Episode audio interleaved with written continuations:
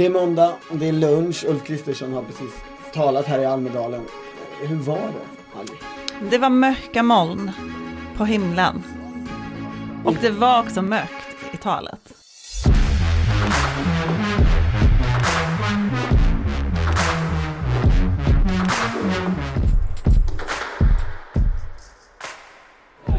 Det här är Politiken med Maggie Strömberg och Torbjörn Nilsson. Igår pratade ju Magdalena Andersson, söndag kväll. Ja, det är sällan jag har sett så många människor framför scenen nere i Almedalsparken. Mm, det gick faktiskt knappt att ta sig runt. När man gick runt, då hörde man inte längre talet, för då var man för långt bort. I, när Ulf Kristersson idag höll tal så var det inte bara det att det var mm, hälften så mycket människor.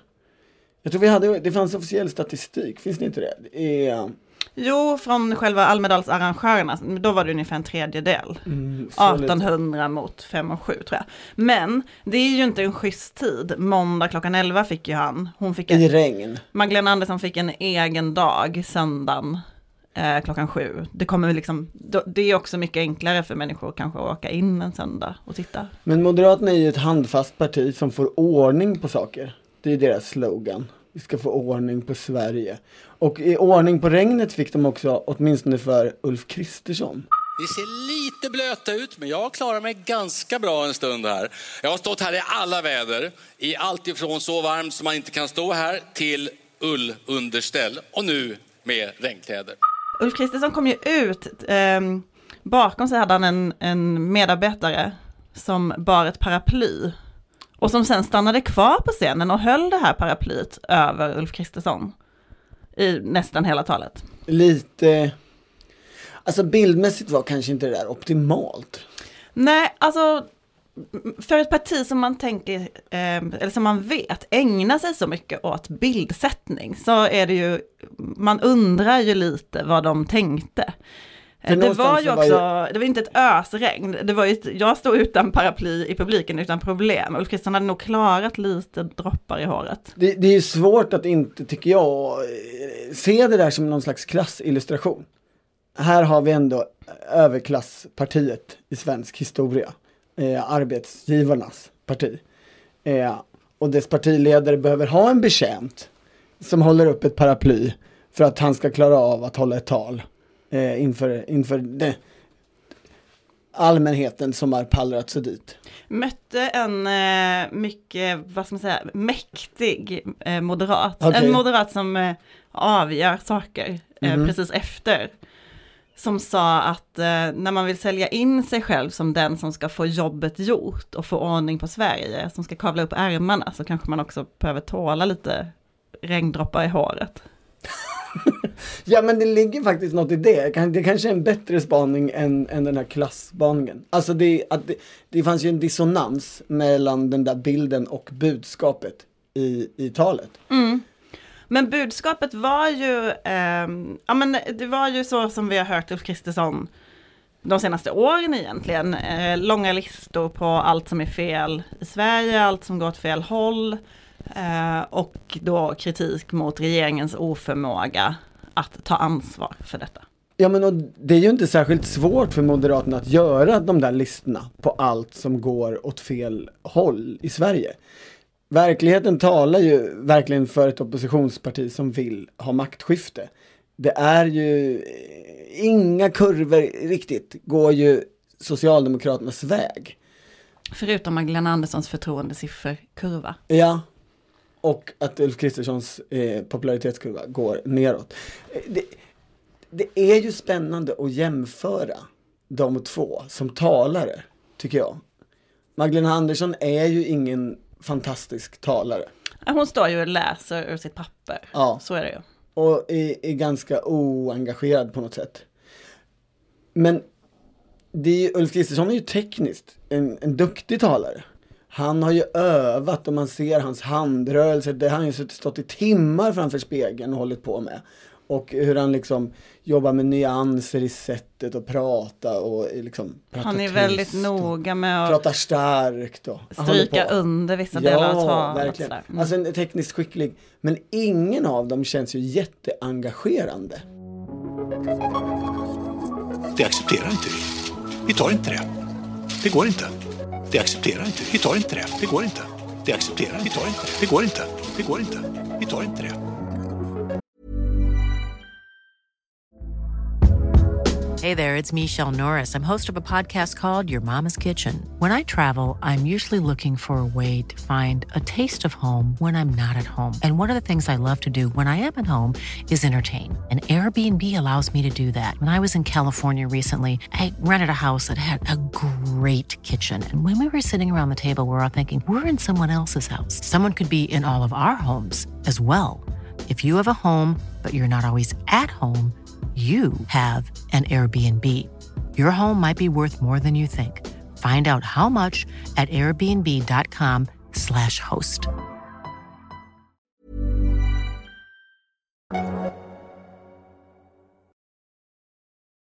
Magdalena Andersson kom ju ut efter sitt tal och eh, gav en liten spontan pressträff. Det brukar faktiskt inte partiledarna göra efter Almedalstalet. Det var lite oklassiskt. Ove Nilsson på TT blev sur. Han bara, det här bryter mot alla traditioner.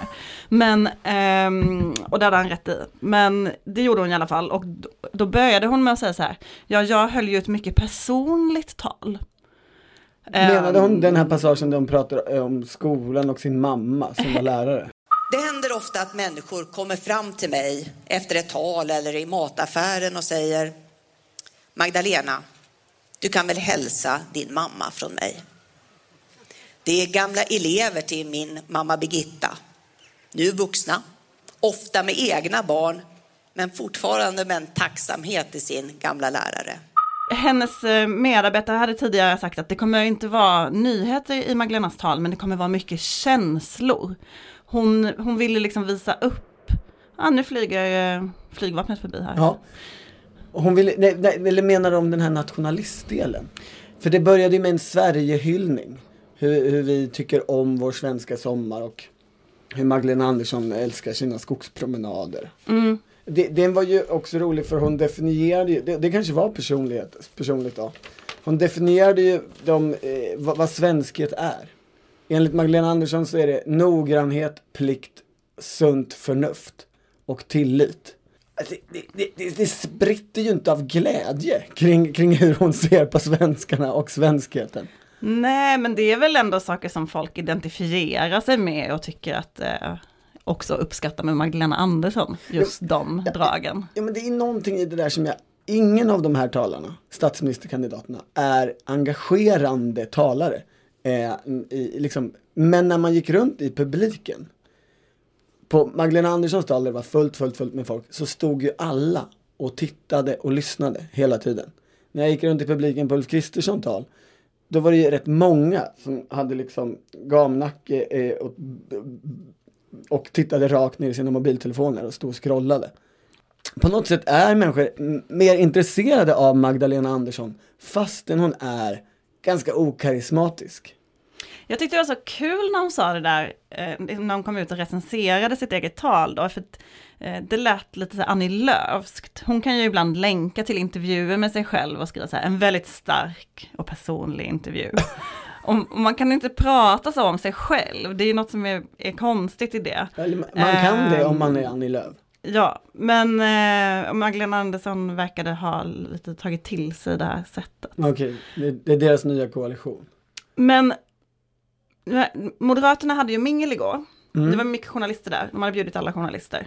Eh, Socialdemokraterna har ju inte mingel längre, för att de är ju nu med folket. Just det. Så att de kan inte ha... Folk gillar inte mingel. Nej, folket, det, Magdalena Andersson ska också åka på bussresa nu i veckan för att kompensera för att hon har varit i Almedalen. Men jag vill bara säga att på minglet, Ja. då stod jag och pratade med lite moderata, eh, de som, som sitter och tänker, hur ska vi göra i valrörelsen? Och de var väldigt förvånade över att eh, Magdalena Andersson inte hade gjort ett ekonomiutspel.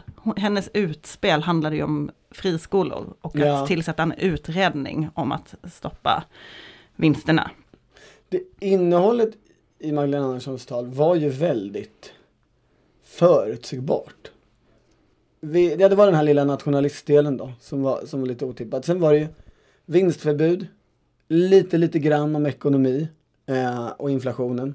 Och sen var det kriminalitet och klimat. Och båda, alltså eh, det här med, det, det finns ju en sån här eh, journalistisk trend som handlar om eh, faktagranskning och desinformation och så. Så Det, det, det betraktar du som en trend. Nej, men jo men en alltså det finns ju en, en, en, liksom, en idé om eh, den farliga desinformationen och att vi då, Mm. den ska man, det, det är liksom stora journalistiska projekt när journalistchefer pratar om sitt värv. Så Ja, sånt ja, om. ja, mm. Eh, Men både Magdalena Andersson och Ulf Kristersson ägnade ju sig åt eh, lite udda historieskrivning. Alltså när Magdalena Andersson pratade om ekonomin och tidigare finanskriser så eh, pratade hon ju väldigt mycket om 90-talet Mm. och väldigt lite om 2008. Ja, det, det hoppade hon helt över. Att Moderaterna eh, hade haft eh, en finansminister som hette Anders Borg och fick jättemycket eh, beröm och hö- höjda förtroendesiffror av hur de hanterade den krisen. Medan Ulf Kristersson har ägnat dagen åt att säga att eh, Socialdemokraterna kommer självklart införa fastighetsskatt. Trots att när Socialdemokraterna höll på med sin den här jämlikhetsutredningen, innan den ens var klar gick ju Löfven ut och skrev på Facebook att någon fastighetsskatt blir det i alla fall inte. Och bakband då hela den här liksom, stora visionsidén. Och Magd- det finns ju inget Magdalena Andersson är så snabb på att svara nej på. Som Men det var väl en viktig punkt i hennes installationstal? Ja, men, men, men det är ju en, det handlar ju mycket av Ulf Kristerssons tal handlar om att den här skatten ändå kommer bli av. Och sen fick han fråga på pressträffen efteråt, hur, vad bygger du det på? Mm. Och då sa han att jo men eh, det finns ju kommunalråd som vill det och det finns ju flera distrikt i partiet som vill det. Och sådär. Eh, men inget av detta, alltså jag menar båda gav ju en lite konstig bild av varandra. På ren, på ren eh, retorik eller språklighet så tyckte jag mm, att det var fantastiskt att Ulf Kristersson använde ordet dyrtid. Alltså eh, det- det ord om inflation som eh, man använde förr i tiden i Sverige. Alltså typ på 40 och 50-talet. Det- Den, det, den typen av ord som återkommer om man läser liksom Tage Erlanders dagböcker. Det är dyrtid, vad ska vi göra åt dyrtiden? Det låter så otroligt eh, gammalt. På ett sätt jag uppskattar då. Eh, kanske inte så många andra. Det är ju du och, det är du och Ulf. Och sen är det inte fler. Eh, och Magdalena Andersson hade ju det här ordet. Eh, Sönderprivatisering. ja, pre- precis. Där det liksom inte räckte med att privatisering är fel utan man förstår att det är att man har pri- privatiserat sönder välfärden. Men det betydelsemässigt så blir det jättekonstigt. För jag tänker lika mycket på att privatiseringen har gått sönder. Alltså vi borde ha mer privatisering. För, för, för den har gått sönder på något sätt. Ja, men jag förstår. Men ehm, det- var ju hennes ord och Ulf Kristerssons ord var ju skattesänka stopp. Nej, förlåt, skattehöja stopp. Ja det, ja, det är nog det han ville mer skulle komma ut än dyrtid. Även Ja. om jag fastnade på dyrtid Ja. då. Ja. Ehm, annars var ju det som kanske var mest överraskande med Ulf Kristersson, eller det, det är ju inte överraskande förstås om man har varit med de senaste tre åren, men det som ändå var nytt var ju att han hyllade Sverigedemokraterna för deras invandringsmotstånd. Just Och det. för att de så tidigt ville dra ner på invandringen för integrationens skull. Inte så mycket för det homogena svenska samhället eller Där har ju de där två partierna enats om medlet på något sätt. Alltså minskad invandring, men de har fortfarande två helt olika mål. Moderaterna vill ju integration, eh, medan Sverigedemokraterna vill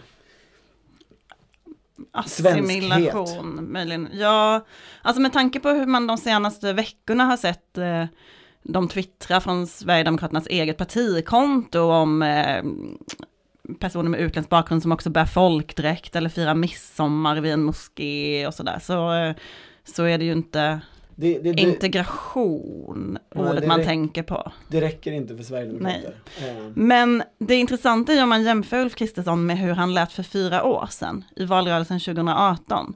För då hyllade han inte Sverigedemokraternas syn på integration. Då stod han istället och listade alla problem med Sverigedemokraterna, allt de, allt de, alla skäl till att inte gå och samarbeta med dem.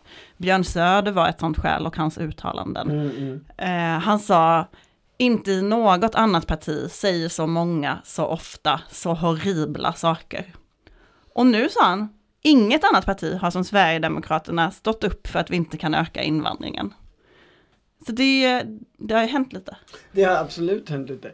Och en sak som eventuellt hänger ihop med det där är ju, alltså ofta med tal så är det mest spännande, vad är det de inte säger? I Ulf Kristerssons tal så hörde åtminstone inte jag någonting om sjukvård, som ju är en stor Nej. fråga för väldigt många människor. Inte Jag i Magdalena Anderssons heller. Hon pratar lite om Om- hemtjänst. Ja, det var inte mycket. Det är sant. Men jag hörde i Kristerssons tal så fanns det väl ingenting om skola heller. Ja, det var ju skolmisslyckandet. Det ska de ju vända. Det var en, en bisats som handlade om, eh, han var skulle ju vara tough on crime, men han skulle också vara då Han skulle, jag förstår. tough on anledningarna till crime. Ja, och då var en av det typ skolmisslyckande. Och, det, och för det tredje så var det väl ingenting om klimatet egentligen. Inget jag minns i alla fall. Och, och det här är ju, innan hans tal så gick jag i en liten promenad nere i hamnkvarteren. Där näringslivet eh, eh, har sina tält och sina seminarier. Och det får man ju säga efter två års uppehåll med, med Almedalen att näringslivet har inte dragit ner på sina satsningar känns det inte som. Det var ju sjukt mycket flådiga, stora tält med jävla täckhus som de har byggt upp. Eh, och så tittar man på så här seminarieprogrammen där. Och vartannat, eller mer, handlar om näringsliv och klimat. Så då undrar man ju, att där befinner sig eh, entreprenörerna, näringslivet. Var befinner sig näringslivets partiledare? Han som företräder eh, högerpartiet, arbetsgivarnas parti. Ingenstans i, i klimatet, utan det är en ointressant fråga för Moderaterna. Och där är ju det, det märks ju på de här två talen hur polariserad väljarkåren någonstans har blivit. Alltså de pratar ju, både Magdalena Andersson och Ulf Kristersson pratar ju väldigt mycket till de redan frälsta i de Så här är det. talen. Så är det. Det här var inte ett, alltså det var ganska långt ifrån tyckte jag det där som, talet som Ulf Kristersson höll på moderatstämman i höstas, det med temat låna mig din röst. Ja, ja. Eh, det här var det ju verkligen, det, det var moderat klassik på ett så komiskt sätt därför att den största applåden, förutom när han dissade Morgan Johansson lite, Ja. det var ju absolut största jublet, men förutom det så var det när han sa att han skulle införa tjänstemannaansvar. Det gick liksom Moderaterna i publiken igång på något otroligt. Ner, rakt ner i hjärtat. Ja. Ja, och det motsvarande med Magdalena Andersson så var ju absolut största applåden var ju Eh, nu är det färdiglekt med lobbyister i, i välfärden. Eh, vi ska inte ha några vinster i skolan. Eh, och det är också väldigt eh, kärna liksom. Ja, men det är ju tillbaka till en, eh, en annan konflikt. För man kan ju tänka sig, alltså, när man lyssnar på Magdalena Andersson nu så låter det ju nästan som att eh, ja, men man föreställer sig att ja, men så här har ju Socialdemokraterna låtit länge och de har ju tillsatt flera sådana här utredningar. Men den stora Reepalu-utredningen var ju faktiskt framtvingad av Vänsterpartiet. Ja. Och innan dess så hade de ju flera kongresser där de drog den här vinstfrågan och där partiledningen höll emot. Och, eh, det, det, har, det har faktiskt varit en ganska lång väg Ja, det till det, något- som, så som hon låter idag.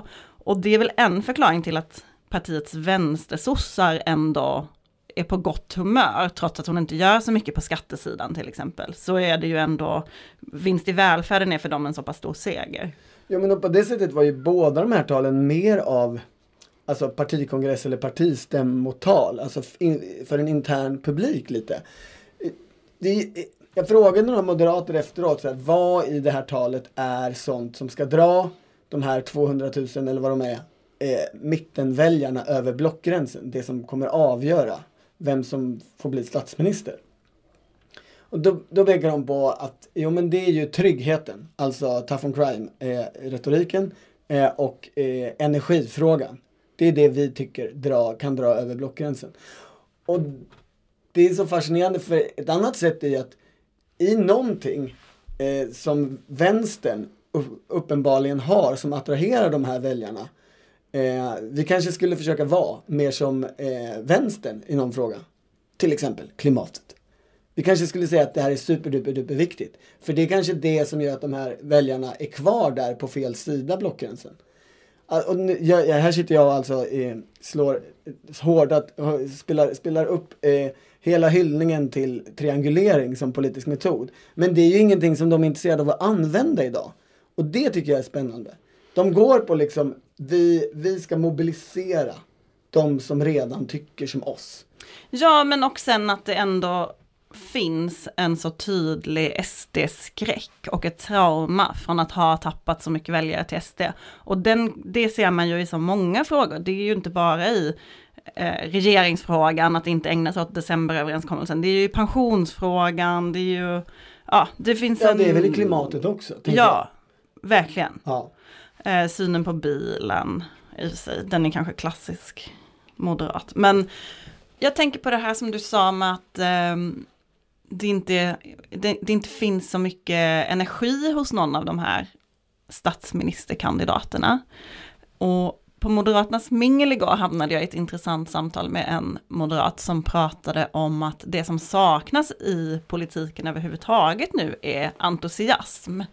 Och då pratade han kanske egentligen om det egna blocket, eh, Ulf Kristerssons sida i politiken. ja, som det heter. Och då, Eller vi fyra nystartspartier, som Ja. jag bara kallar. Jag, jag, jag säger alltid detta som ett instick, för jag vill se vem av dem som vinner den kampen till slut. ja, Allians för maktskifte. Ja, boring Ja. ändå. Men i alla fall, eh, då var det så att, ja men det finns inte så mycket eh, entusiasm mellan partiledarna eller i den relationen. Mm. Och så bara, men det finns det ju inte på andra sidan heller. Och vi kan i alla fall skriva debattartiklar ihop. Och det är ju en bra sak. Det är spännande med den där entusiasmen tycker jag, eller bristen på den. För det är väl också den som får människor att lämna, alltså liksom unga riksdagsledamöter med framtiden framför sig som slutar. Mm. Eh, för att det inte är, det är inte så kul liksom. Det, det, nej, det är inga stora visioner. Och det, det, Det varnade ju Ulf Kristersson ja, för. det gjorde han på, på ett Reinfeldtskt Ja. sätt, ska man säga. Eh, Verkligen. Eh, för att i, i, i dagens moderna miljö smutskasta honom då. Eh, men han lät ju väldigt Reinfeldtsk i detta. Eh, det är farligt med visioner. Men som, som Kristersson uttryckte det så var det ju också på ett lite konstigt sätt. För till slut sa han Först ska vi göra det vi måste. Sen kan vi göra det vi vill. Och då är det ju som att han undergräver hela sitt budskap på något sätt. Med att säga, alltså jag vill inte det här egentligen. Eh, eh, jag vill inte driva den här politiken. Jag tycker inte att den är så, den är så rolig. Men jag måste ju driva den. Antingen då för att Jimmy eh, kommer bli jättestor eller har sagt, har sagt åt mig att vi måste göra det här. Eller han kommer liksom bli statsministerkandidat om vi inte driver den. Eller för att, eh, som nog Kristersson vill säga, eh, för att det krävs för samhället. Och då tar han ju bara på sig ett ok. Alltså då blir han ju en martyr. Han kämpar på med de här förslagen som han måste göra. Eh, men som han inte vill. Och vem vill rösta på en martyr? Jag tror inte på det. Eller vill folk det kanske? Det var också intressant när han pratade om det Sverige som han sen vill se. MUF-ordförande Matilda Ekeblad, hon, höll Ja. ju, hon var uppvärmning, Ja, förband. precis. och hon sa att eh, det är framtidstro som de unga vill ha. Och sen kom Ulf Kristersson upp med dystopin. Ja, Eh, men sen så skulle han på slutet, han får ju ibland kritik, DNs ledarsida skriver mycket om att han är för mörk, han måste Reinfeldt, Reinfeldt var så bra på hopp och på att säga att Sverige är fantastiskt. Det måste Ulf också kunna det är säga. inte som att Moderaterna bryr sig om vad de skriver på DNs ledarsida. Absolut alltså, att de, inte. det är inte som att de ändrar sig efter vad DN tycker direkt. Nej, de Nej. bryr sig jättemycket om vad det står där. Ja, det men de. eh, de, gillar det inte. förbannade. Eh, men, eh, nej men även när Ulf Kristersson talade om sitt drömsamhälle då, det som ska komma sen när han har gjort det han måste, så var det ju inte jätte entusiastiskt. Nej. Det var ju väldigt, eh, ja men man minns ju den här Fredrik Kärrholm-artikeln, han riksdags, eh, ledam- riksdagskandidaten som också är någon slags brott och straffdebattör, Ja, polis. exakt. Han, eh, han skrev ju den här om folk går runt och äter glass på stan och barn i fina kläder hälsar artigt på polisen och allting var ju väldigt, Det var någon slags Bullerby-grej fast i uppdaterad i, I stadsmiljö. stadsmiljö i, på, på, på 2000-talet. ja så var ju inte Ulfs eh, vision eller liksom Ulfs drömsamhälle. Nej. Där kunde man köpa en plastpåse för att plastpåseskatten är inte så hög. Det, det är ju grundgrejen här är väl att, de vill, att Ulf Kristersson vill ha ett samhälle som är good enough. Eh, vi, vi lovar, Good enough med kärnkraft. Ja, men, eh, vi lovar ett samhälle som, där det funkar. Det är, inte, det, är, det, är, det är ingenting som du går och sugen på men det är good enough. Medan Magdalena Andersson var så här, ja, vi har lite problem med skjutningar, men har ni sett blommorna kring midsommar? Ja men och sen får man väl kanske också säga att i hennes sakpolitiska grej så är det i alla fall större förändring. Alltså vinstförbud i skolan är ju ett revolutionerande förslag på många sätt. Eh, som skulle omdana en stor och, central del av välfärdssektorn. Eh, folk kan ju vara emot eller för det men det skulle liksom ändå vara stort. Eh, om det faktiskt genomfördes. Nu är det ju som rätt många moderater eh, klokt nog påpekar eh, inte första gången Socialdemokraterna försöker med det här. Man kan väl möjligen undra om de verkligen vill det. Eh, tidigare har de ju som du var inne på inte riktigt velat det. Vill, vill den här partiledningen det här så mycket så att de faktiskt får igenom det på något sätt. Ja, Nooshi Dadgostar kom ju med ett liknande förslag idag, hon har haft pressträff, hon talar ju ikväll. Eh, men eh, eh, på Moderaternas mingel så gick det runt en centerpartist som eh, Det är mycket som verkar ha hänt på Moderaternas Alltså det, det var ett otroligt bra, alltså det var effektiv arbetstid. Ja. Eh, som var skitsur på En det. centerpartist då? En centerpartist. Mm. Eh, ett framtidsnamn. Jag, jag, jag, jag låter det vara källskydd. Men eh, som, det var inte Emil Källström. Jag dementerar Emil Källström. Men, eh, Han har så- en väldigt fin grön overshirt. Eh, Mm. På sig här i Almedalen. Ja, och då känner man direkt grön, han var helt grönklädd till och med.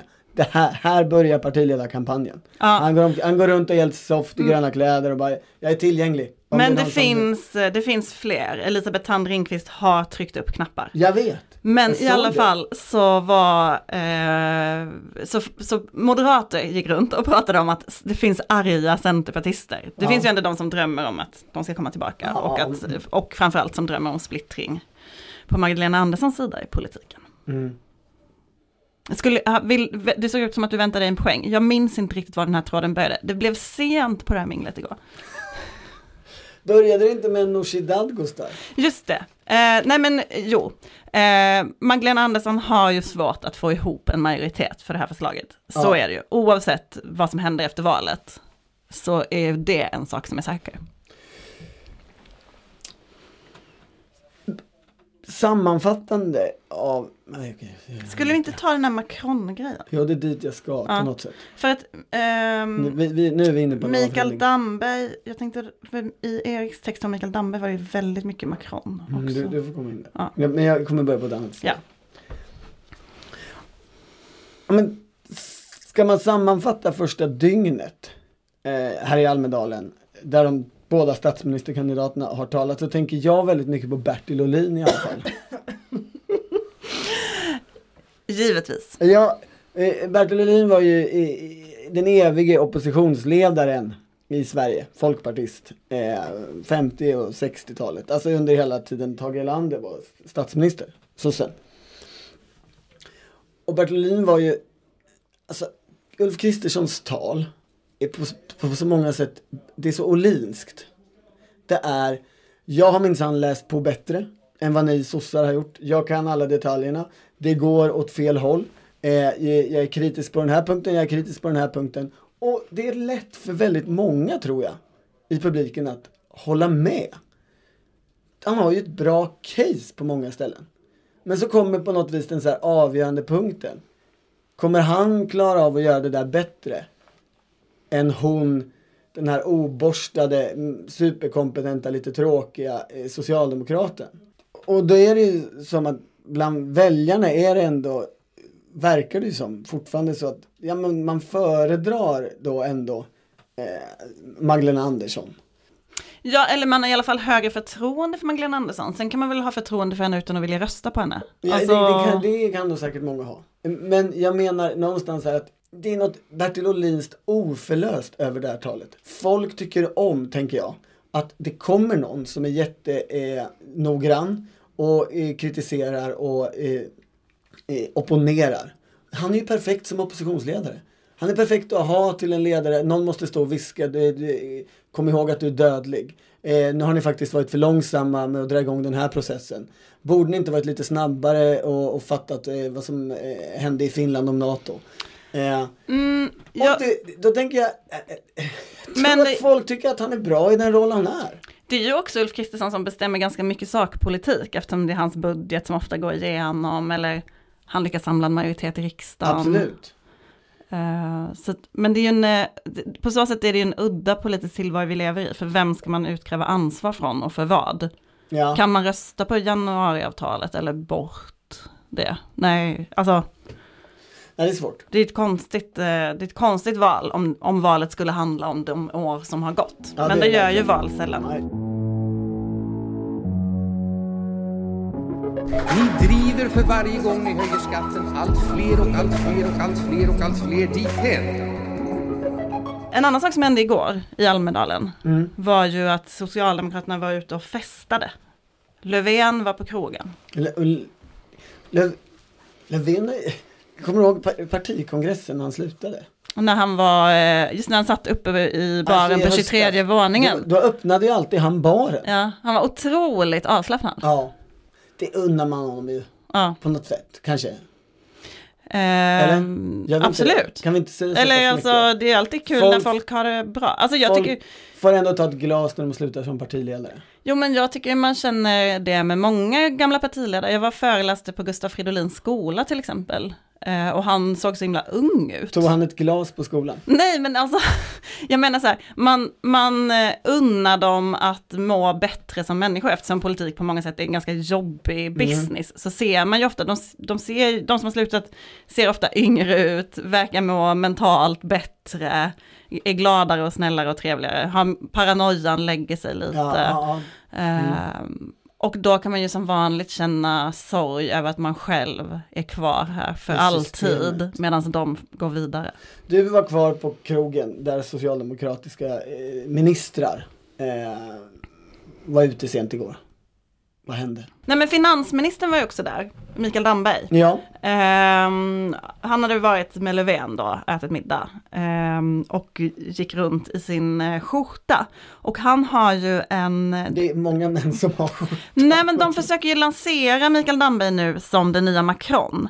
Efter Macron-bilden, du vet den här Den, skjortbilden. den, den som hade många knappar Ja. knäppta. Så kom, blev 70-tal det... på något sätt. Ja men så blev det en snackis om så här, vilken svensk politiker kommer göra det där först? Och det gjorde ju Johan Persson givetvis, men det var liksom inte riktigt eh, på samma.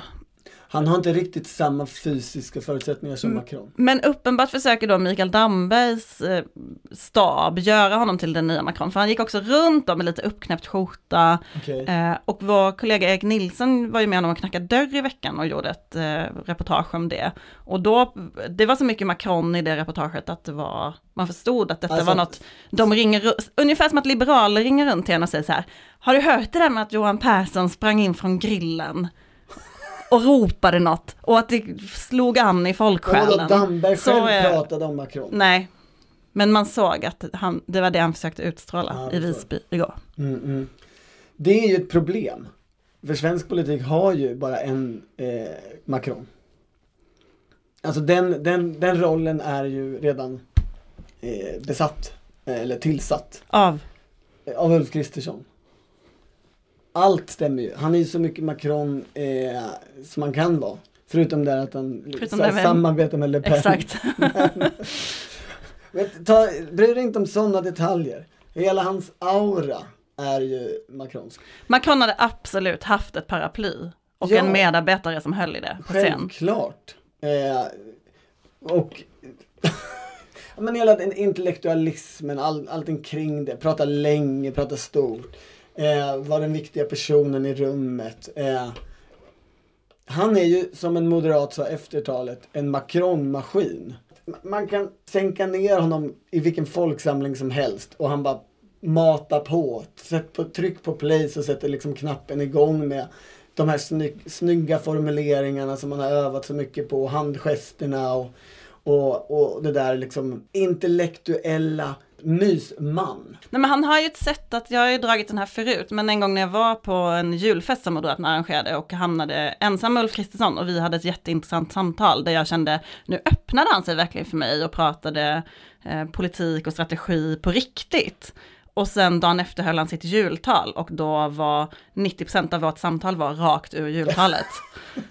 Eh, Men han hade ändå en förmåga att få mig att känna mig som en eh, Ja. uni- unik varelse i den stunden. Och den, den, den här moderaten jag pratade med som eh, myntade begreppet Macron-maskin, eh, då frågade jag hen, Magdalena Andersson är ju eh, otroligt oengagerande som talare. Eh, Vad är det som gör att folk gillar henne mer, tror du då? Och då sa personen i fråga, det är ju för att hon är en verklig människa. Det är ju, hon är oborstad, hon, är, hon har temperament, hon, hon, det, det är liksom vassa kanter. Fast alltså, för, mm, Och då är ju i sådana fall det här valet ett val mellan en Macron-maskin Mm. och en verklig människa. jag tycker att Magdalena Andersson påminner mig om eh, eh, SAS-personal på 90-talet. Alltså det är något med... Eh, Eh, för, stopp, du måste jag kan inte, definiera nej men jag vill inte, jag, alltså jag ville säga 90-talet. flygvärdinna men så kände jag att det skulle bli, jag menar inte detta på ett sexistiskt sätt, Nej, eller nej, ett inte förminskande sätt. Nej, det, det Utan- gör man ju sällan, men fortsätt. Nej men att, eh, att det finns en sån skandinavisk look med precis det här jätteblonda pagen och de mörkblå kläderna. Som för mig är väldigt så här, Eh, menar sossefrisyren? f- eh, folkhems-SAS. Alltså eh, nu går ju SAS ut i strejk idag och det har hänt mycket sen SAS var det här som jag ser framför Ja, mig ja, nu. Men, ehm, men förstår du vad jag menar? Det här liksom, ehm, det, det är inte ursvenskt på Ebba Busch-sättet. Utan Nej. på ett, ett, eh, ett väldigt svennigt sätt. Ja. Och det, du, du sätter också, gissar jag, det här i någon slags här relation till eh, flygplan och flygvärdinnor kunde ju på den tiden fortfarande eh, ha en är av eh, glamour och lyx och sådär. Och Ja. det, det, det känner du inte, eh, Nej men det finns en trygghet i den, eh, i den, liksom det uttrycket. det här skulle Som är- verkligen gilla att höra sossarna. Som är något annat, som, som jag tror är lite samma sak som verklig människa. Men, men ja. Ja, mm. Okej, jag, jag förstår tror jag din spaning. Det enda jag tänkte efter eh, gårdagskvällen och de eh, festande Socialdemokraterna var, det här är ett parti som verkligen skulle må bra av att förlora valet. Alltså det skulle de ju aldrig själva tycka. Ja, det och- brukar inte, och- de och det brukar bru- inte må jättebra Ja, när det de förlorar brukar ju val. bli internbråk och kris, men man känner ju av att de är ganska proppmätta och, och att de är ganska fulla av dem Hybrisen själva. är ju, Ja. Vinner de det här valet så kommer de ju bli odrägliga. Och det är inte så att det är jobbigt för oss, oss som, som behöver leva och stå ut med det. Utan det leder ju till dåligt ledarskap och eh, liksom dålig politik skulle jag nog vilja hävda i slutändan. det tyckte jag var, eh, ja det var vågat. Det var ett ställningstagande. Eh, Ett, stä- ett ställningstagande mot dryghet och hybris. Vi fortsätter i alla fall att podda varje dag den här veckan. Mm. Det kommer finnas fler mingel att rapportera från. Och fler Hey there, it's Michelle Norris. I'm host of a podcast called Your Mama's Kitchen. When I travel, I'm usually looking for a way to find a taste of home when I'm not at home. And one of the things I love to do when I am at home is entertain. And Airbnb allows me to do that. When I was in California recently, I rented a house that had a great kitchen. And when we were sitting around the table, we were all thinking, we're in someone else's house. Someone could be in all of our homes as well. If you have a home, but you're not always at home, you have an Airbnb. Your home might be worth more than you think. Find out how much at airbnb.com/slash host.